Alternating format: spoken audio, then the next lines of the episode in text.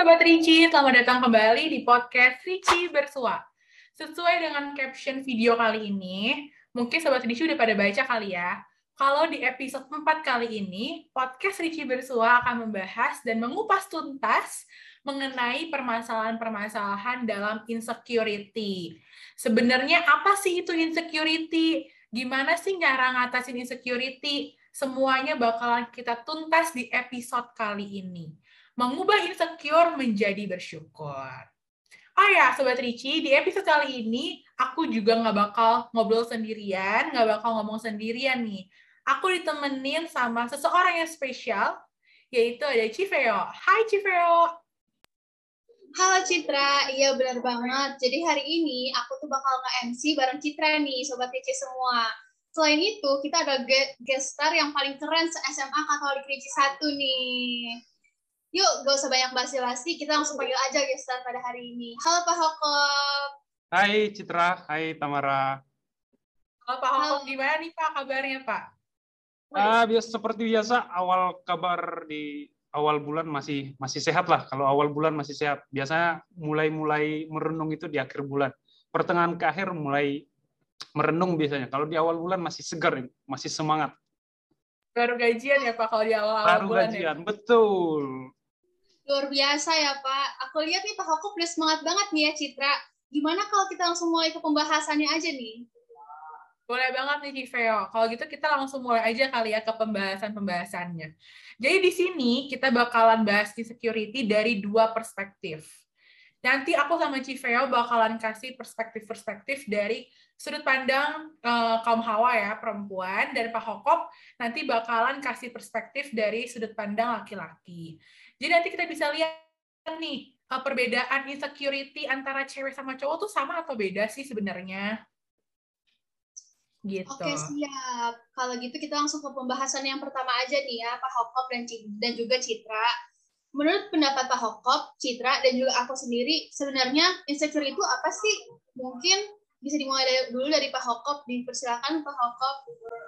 Ya, uh, kalau aku sih uh, insecure atau insecurity itu adalah uh, suatu kondisi di mana kita merasa rendah diri, bukan rendah hati tapi rendah diri. Jadi muncul sebuah kondisi di mana kita uh, menganggap uh, diri kita itu tidak lebih baik dibandingkan orang lain, baik dalam hal penampilan fisik, baik dalam hal uh, kemampuan, karir, keuangan itu uh, insecurity. Jadi insecure itu ibaratnya kita merasa bahwa kondisi kita lagi tidak aman, ada ancaman, uh, ancaman itu dalam bentuk orang lain itu seakan-akan lebih baik dari kita. Jadi kita merasa jauh tertinggal, kita merasa uh, ibaratnya kitalah yang paling jelek di antara semua orang seperti itu. Jadi itu membuat kita merasa bahwa itu akan menimbulkan overthinking lah. Jadi sering itu karena uh, merasa kok orang lain cepat amat ya, aku masih gini-gini aja. Jadi kadang-kadang overthinking sampai nggak bisa tidur biasanya. Itu sih kalau dari saya soal uh, insecure. Berarti lebih cenderung ada kayak ketakutan-ketakutan ya Pak kalau insecurity? Iya, jadi agak takut, merasa tidak aman, atau uh, merasa dialah seperti sampah dunia, seperti itu. Jadi seolah-olah orang lain itu sudah melaju secepat cahaya, dia masih ya masih bengong-bengong aja gitu. Jadi ibaratnya uh, merasa tertinggal, merasa rendah diri sih. Deh. Mungkin sekarang dari sudut pandang aku ya. Kalau menurut aku dari sudut pandang aku insecurity itu benar tadi Pak Hokop bilang uh, perasaan ketakutan, gelisah, cemas yang kadang muncul kalau kita lagi bikin hal-hal yang membuat diri kita tuh jadi kepikiran. Contohnya nih, misalnya nih ya, lagi mikir masa depan, terus tiba-tiba muncul tuh perasaan gelisah, terus di otak muncul tuh pemikiran-pemikiran yang aduh bisa gak ya aku ngelakuin ini semua sampai akhir aduh bisa gak ya aku mencapai semua impian aku nih apa yang udah aku planning selama ini jadi menurut aku kayak cenderung takut gelisah takut buat gagal gitu kalau menurut Civeo nih apa sih arti insecure buat Civeo Ya, aku setuju banget sih sama pendapat Citra dan juga Pak Hokop. Jadi ya sebenarnya 11-12 juga ya. Jadi kalau menurut aku tuh insecure itu salah satu bentuk emosi di mana si yang ngerasa insecure ini itu tuh merasa tidak aman, nggak nggak pede dan juga merasa kurang sama diri dia. yang paling umum sih menurut aku insecure itu terbagi dua macam ya. Uh, tadi sudah sempat dimention juga sih sama Pak Hokop. Jadi itu insecure fisik dan insecure kemampuan. Kalau insecure fisik ya dia nggak pede sama fisik dia sekarang ini. Dia ngerasa kurang, apalagi kan media sosial ya itu tuh salah satu faktor paling utama insecure kayaknya ya. Di medsos tuh banyak banget orang-orang yang cakep, uh, yang good looking, terus juga kalau di bidang insecure kemampuan itu tuh orang-orang banyak banget di, di yang di media sosial yang kayak masih umur muda banget, kayak masih SMP, SMA atau awal-awal perkuliahan, tapi mereka tuh udah jago-jago banget ya, hebat-hebat. Dan kadang tuh mungkin anak-anak yang seumuran aku bahkan mungkin orang dewasa pun juga suka ngerasa insecure ngelihat orang-orang hebat di zaman sekarang ini. Gitu sih kalau insecure versi aku banget nih kita bisa lihat kali ya dari perkembangan zaman sekarang sosial media anak SMA, anak SMP udah pada main saham, udah pada jualan-jualan dan ngasilin uang sendiri gitu loh. Oke deh. Nah, Jadi dan gitu juga ya, kalau di media sosial itu kelihatan kalau hidup orang lain itu seakan lebih sempurna dibandingkan kita. Jadi kan Benar di media sosial itu orang-orang pada posting jalan-jalan atau kalau enggak uh, fotonya di kamar mandi pakai kamera tiga iPhone iPhone sementara handphone kita Xiaomi. Jadi itu kadang-kadang hal-hal seperti itu juga bisa menimbulkan uh, rasa rendah diri. Jadi saya setuju dengan Tamara tadi media sosial itu menjadi salah satu faktor pemicu uh, kenaikan tingkat insecure uh, banyak orang. Saya setuju tadi dengan Tamara. Iya sebenarnya uh, media sosial tuh di upload yang bagus-bagusnya doang yang kayak perjuangan dia bisa sampai ke titik itu tuh kagak di upload susah-susahnya kagak di upload di uploadnya tuh yang bagus-bagus yang yang sukses-suksesnya doang gitu ya. Makanya banyak yang bilang ya sosial media tuh sebenarnya bohong gitu loh. Bukan kehidupan nyata di realita gitu kan.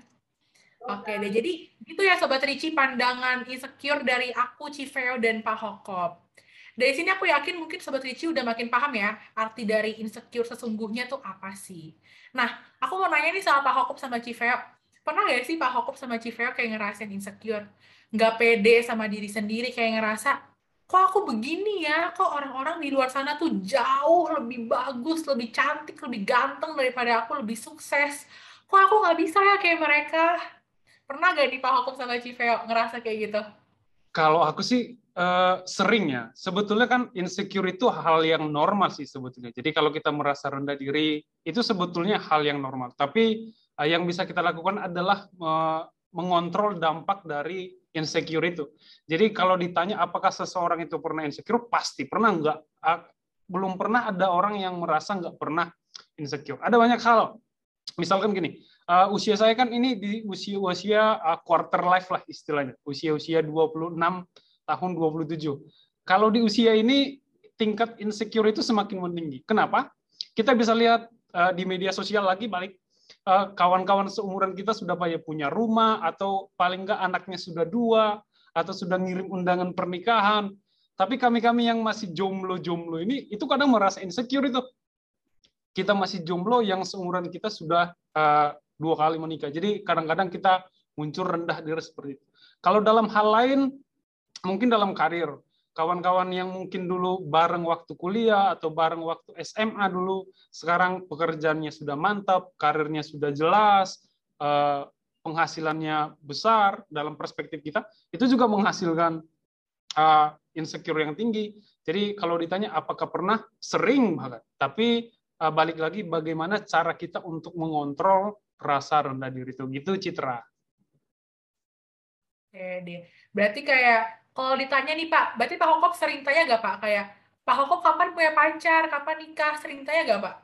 Nah, uh, soal orang lain ya, orang lain bertanya kepada kita seperti itu. Saya selalu percaya satu prinsip bahwa orang lain itu selalu pengen kita bahagia, tapi tidak melebihi kebahagiaan dia. Saya ulangi, orang lain selalu pengen kita bahagia, tapi tidak melebihi kebahagiaan dia. Jadi uh, ketika uh, orang lain bertanya seperti itu, sebetulnya ada dua kemungkinan. Dia peduli atau sekedar basa-basi. Nah, orang sudah menyadari sebetulnya uh, ketika kita bertanya seperti itu, kapan nikah, kapan punya anak, kapan wisuda, kita tahu bahwa pertanyaan itu sebetulnya pertanyaan yang menyinggung, semua orang tahu. Tapi uh, kenapa masih sering sekali sih ditanyakan pertanyaan kapan, kapan, kapan ini? Karena dia tahu dengan menanyakan itu, uh, kalau jawaban misalkan gini, saya tanya Citra nih, atau Citra nanya saya kapan nikah. Kalau Citra seorang yang sudah menikah dia bertanya kepada eh, yang belum menikah, itu hanya untuk memvalidasi seolah-olah dia sudah sukses menikah, kamu kapan? Nah, gitu. Jadi seolah-olah dia ingin membanggakan dirinya depan kita. Itu sih kalau pertanyaan kapan. Tapi itu pertanyaan menurutku berbahaya juga soal kapan menikah. Misalkan gini, eh, soal kapan wisuda dah, paling gampang. Kita yang nanya seseorang kapan wisuda atau kapan nikah kan kita nggak tahu apa yang sedang dialami toh. Misalkan eh, kamu kapan wisuda kok lama? Kita nggak tahu apa yang dialami orang yang kita tanya dan itu bisa menimbulkan uh, insecure bahkan di tingkat uh, atas dari insecure itu adalah depresi jadi bisa memicu tindakan-tindakan yang kurang misalkan bunuh diri bisa muncul karena pertanyaan-pertanyaan sepele seperti itu. Jadi menurutku ini uh, kalau kita hanya bertanya sekedar basa-basi saja tidak usahlah nanya kapan-kapan itu. Kapan nikah kapan wisuda kapan punya pacar. Suka-suka tuh lah kapan? Nanya-nanya gitu aja jawabnya. Gitu Citra. Citra udah ditanya kapan nikah? Belum ya? Belum dong Pak. Masih oh, jauh nih saya kalau saya udah ditanya orang tua kapan nikah biasanya saya jawab hari Minggu kalau nggak telat bangun kalau nggak hari Minggu hari Sabtu ya Pak biasanya jangan hari Sabtu hari libur itu bagusnya tidur oh. Oke. Iveo gimana nih kalau masalah insecure? Pernah ngalamin nggak? Kalau yang namanya insecure sih ya pasti pernah lah ya. Aku setuju banget sama yang Pak Hoko bilang tadi. Kayak setiap manusia tuh pasti pernah yang mengalami namanya insecure. Dan uh, kayak yang aku mention di awal, aku tuh paling sering ngerasa insecure di segi fisik sama kemampuan sih ya.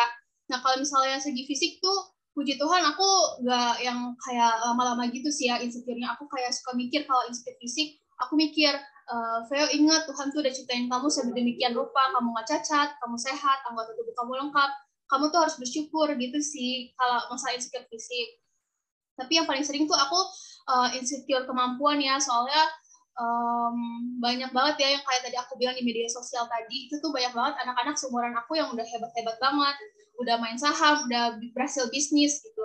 Terus juga aku pernah dulu ikut organisasi luar sekolah kan, dan organisasi luar sekolah aku itu tuh ada anak seumuran anak SMA pokoknya sekitar umur 16 tahun sampai 20 tahun dan itu tuh ada anak SMA dan juga anak kuliah. Nah kalau misalnya anak kuliah uh, mungkin aku tuh insecure tapi insecure tuh nggak sebesar kalau ngelihat anak yang seumur aku tuh udah hebat banget kan.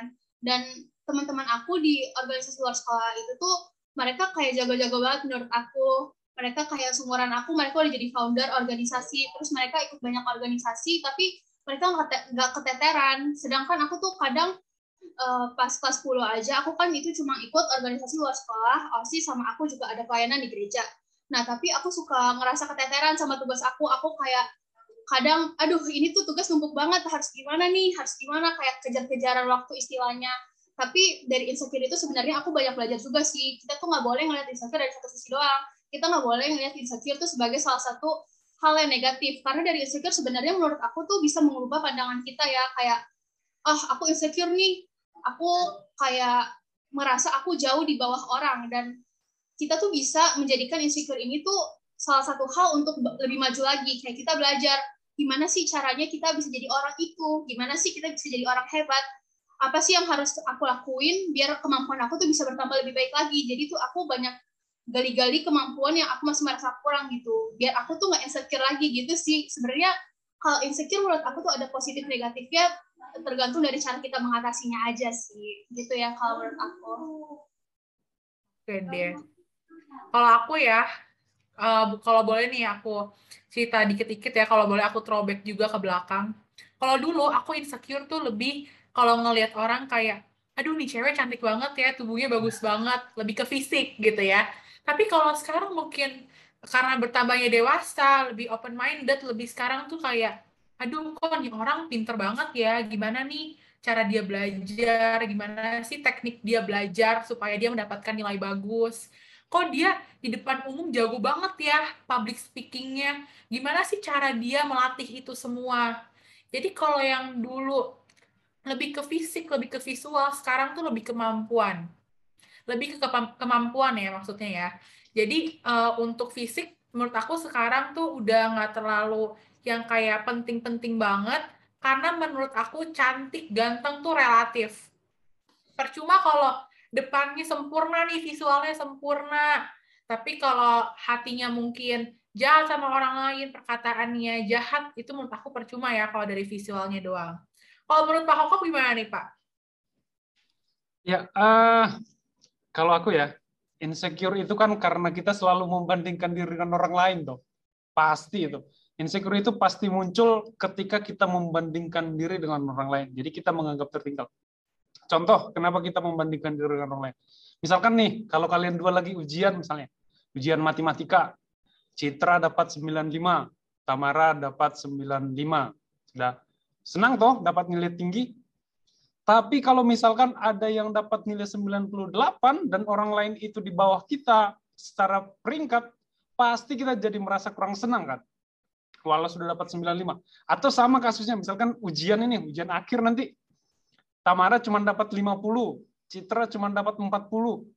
Tapi di kelasnya itu itu paling tinggi, sisanya 30, walaupun rendah, kita senang kan? Nah, jadi itu keinginan kita itu sebetulnya bukan soal uh, kita tidak bersyukur, tapi ketika kita melihat orang lain lebih tinggi, kita merasa, ih aku kalah ini. Jadi jiwa kompetitif kita mungkin yang sedikit tersinggung. Makanya ketika kita lebih tinggi dari orang lain, walaupun nilainya rendah, tapi asal lebih tinggi dari orang lain, ya kita senang-senang aja.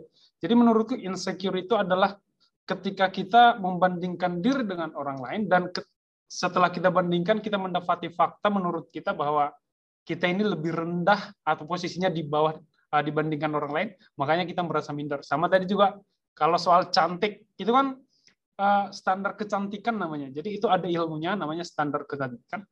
Jadi ada uh, standar yang kita sepakati bersama untuk menyebut kata cantik. Walaupun tadi saya sepakat dengan Citra, cantik itu relatif. Betul, cantik itu relatif. Tapi kita punya standar umum tentang orang cantik. Betul ya? Misalkan hidungnya harus gini, uh, kulitnya harus warnanya seperti ini, bentuk hidungnya harus seperti ini. Kita punya standar umum. Jadi ketika kita tidak masuk dalam standar itu, itu yang buat kita merasa insecure. Dan sering terjadi. Uh, balik lagi bahwa media sosial ini memang sangat manipulatif dan kita mempercaya yang manipulatif itulah yang kita ikuti. Gitu Citra. Berarti kayak kalau di sekolah nih Pak, insecure-nya lebih kayak, aduh nggak mau dikalahin kali ya. Iya, jadi dia pengen kompetisinya harus dia harus selalu unggul dibandingkan orang lain. Harus selalu menang berarti itu. Harus selalu menang. Kalau bahasa anak sekarang ambis-ambis lah. Oh iya benar ambis, ambis. Iya sebenarnya okay. kita tuh ada kalanya tuh harus apa ya penyebab insecure tuh ya kayak kayak Hokop bilang tadi kita tuh selalu ngeliat ke atas kita sebenarnya kita tuh harus ngeliat juga ya sekali-sekali kita ngeliat ke bawah kita kita tuh harus bersyukur. Bahkan mungkin ada loh orang lain yang pengen jadi diri kita pengen ada di posisi kita sekarang ini. Jadi kita tuh gak usah terlalu matokin diri sama orang yang ada di atas kita. Karena kalau kita ngejar ke atas kita itu tuh nggak bakal ada habisnya. Karena kalau kata orang-orang tuh di atas langit masih ada langit. Jadi kalau kita mau ngejar itu tuh kita nggak bakal bisa ada habisnya gitu. Yang ada kita stres sendiri ngejar itu. Gitu ya berarti. Overthinking nggak? Iya benar oke okay.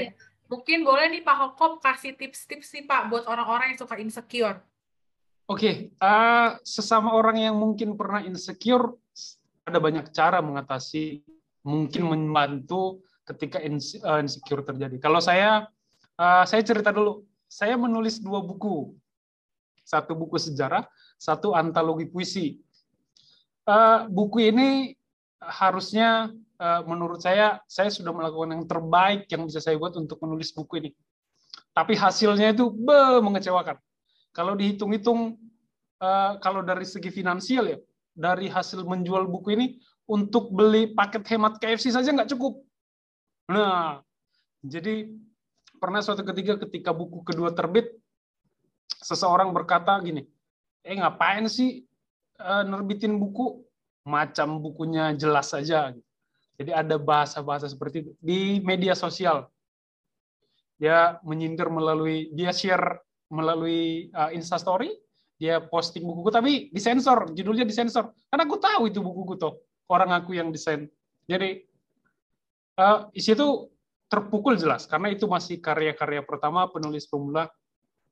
Tapi aku selalu berpikir seperti ini, uh, tips bagi kawan-kawan yang uh, insecure itu mungkin ada dua hal. Yang pertama adalah menerima dan yang kedua adalah berproses.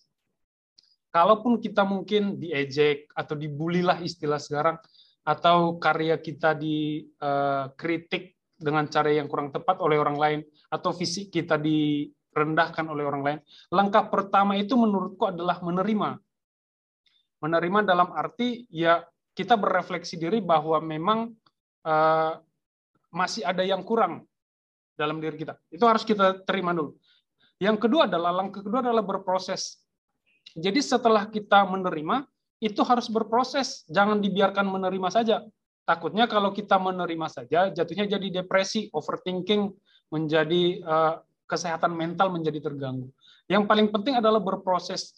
Uh, kita uh, ketika kita sudah menerima, kemudian kita refleksikan, kemudian kita cari solusi.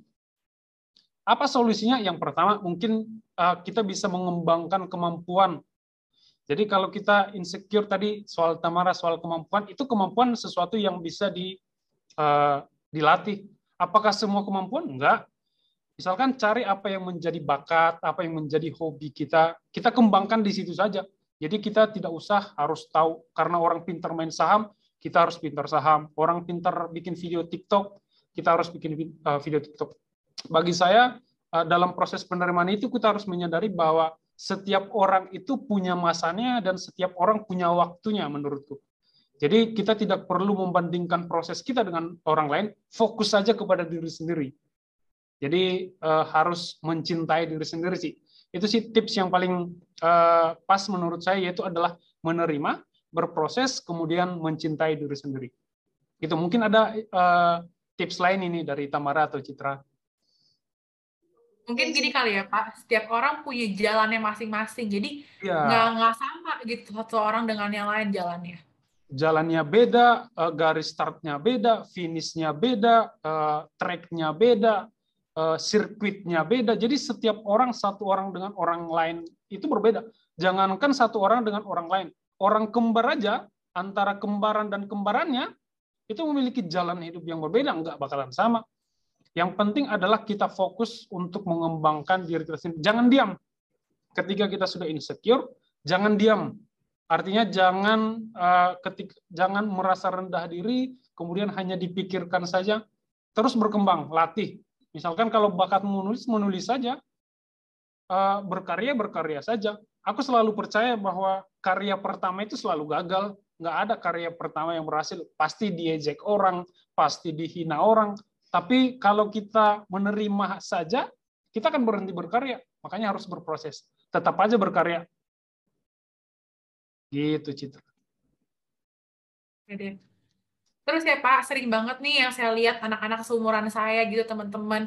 Kayak dia pengen mulai sesuatu nih, cuman kehambat. Misalnya orang tuanya nih ya nggak ngedukung. Oh saya senang banget nih nulis nulis wetpad misalnya ya novel-novel. Tapi orang saya orang tua saya nggak ngedukung itu gimana tuh ngatasinnya Pak biasanya gitu? Oke, okay. uh, setiap orang itu punya latar belakang keluarga yang berbeda ya. Jadi uh, kita tidak bisa menggeneralkan semua orang. Ada orang yang memang terlahir dari orang tua yang pemikirannya terbuka. Jadi bagi orang-orang yang uh, terlahir dari orang tua yang pemikirannya terbuka, memperbolehkan anaknya berkarya asal di jalan yang benar, mereka pantas bersyukur. Menurutku itu salah satu privilege lah, di mana orang tua itu open minded, memperbolehkan anaknya memilih jalan apa pun uh, asal masih di jalan yang uh, tidak melanggar norma.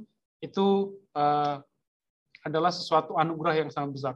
Tapi ada juga beberapa orang yang terlahir dari orang tua yang diktator, artinya anak itu harus sesuai dengan keinginan orang tuanya.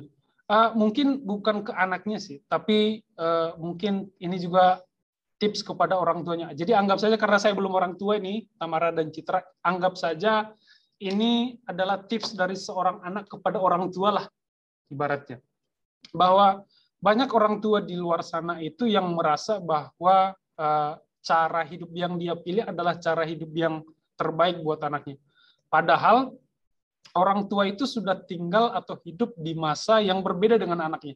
Jadi kalau misalkan orang tuaku ini sudah berumur 70 tahun, masih memaksakan cara hidup dia terhadap saya, itu tidak akan lagi cocok dengan generasi saya.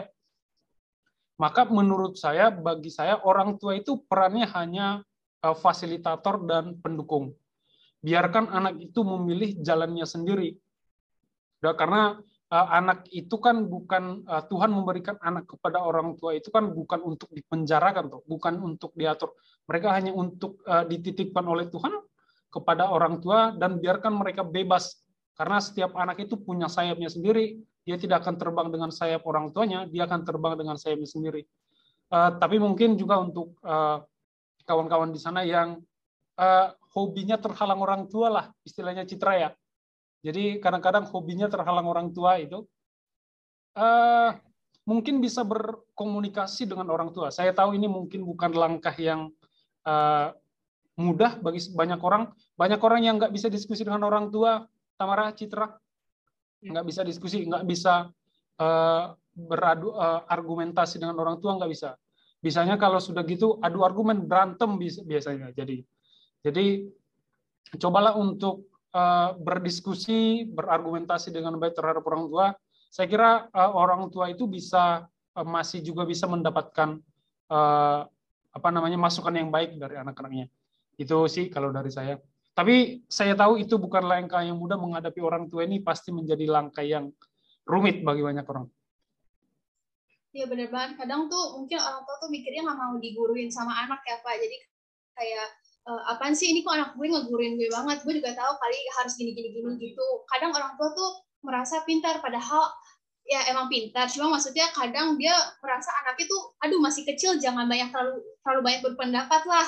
Uh, padahal kan mama papa ngarahin kamu ke arah yang benar. Jadi mereka selalu merasa benar karena mereka lebih dewasa gitu ya. Terus kalau tips dari aku sih sebenarnya um, mungkin ini kayak beberapa orang setuju beberapa orang nggak setuju ya. Tapi kalau menurut aku pribadi itu tuh uh, banyak berdoa sih ya banyak berdoa. Karena menurut aku orang yang dekat sama Tuhan ya mereka tuh pikirannya jernih. Jadi ya menurut aku orang yang pikirannya jernih kayak dikurang-kurangin sih ya. Kayak insecure. Karena kan kalau insecure tuh salah satu hal yang kayak negatif positif gitu. Kayak 50-50 sebenarnya ya.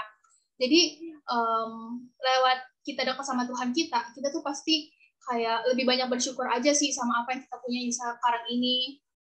Gitu kalau menurut aku. Kalau Citra gimana nih kalau kamu menurut aku ya. biasa kamu gimana? Tips baik lagi ya yang tadi udah aku mention tuh di sebelumnya. Aku lebih ngandelin pola pikir. Jadi kalau pola pikirnya kayak stuck di aduh insecure terus ya lu insecure terus sampai akhir gitu loh. Tapi kalau aduh aku pengen berubah nih aku pengen berkembang menjadi lebih baik.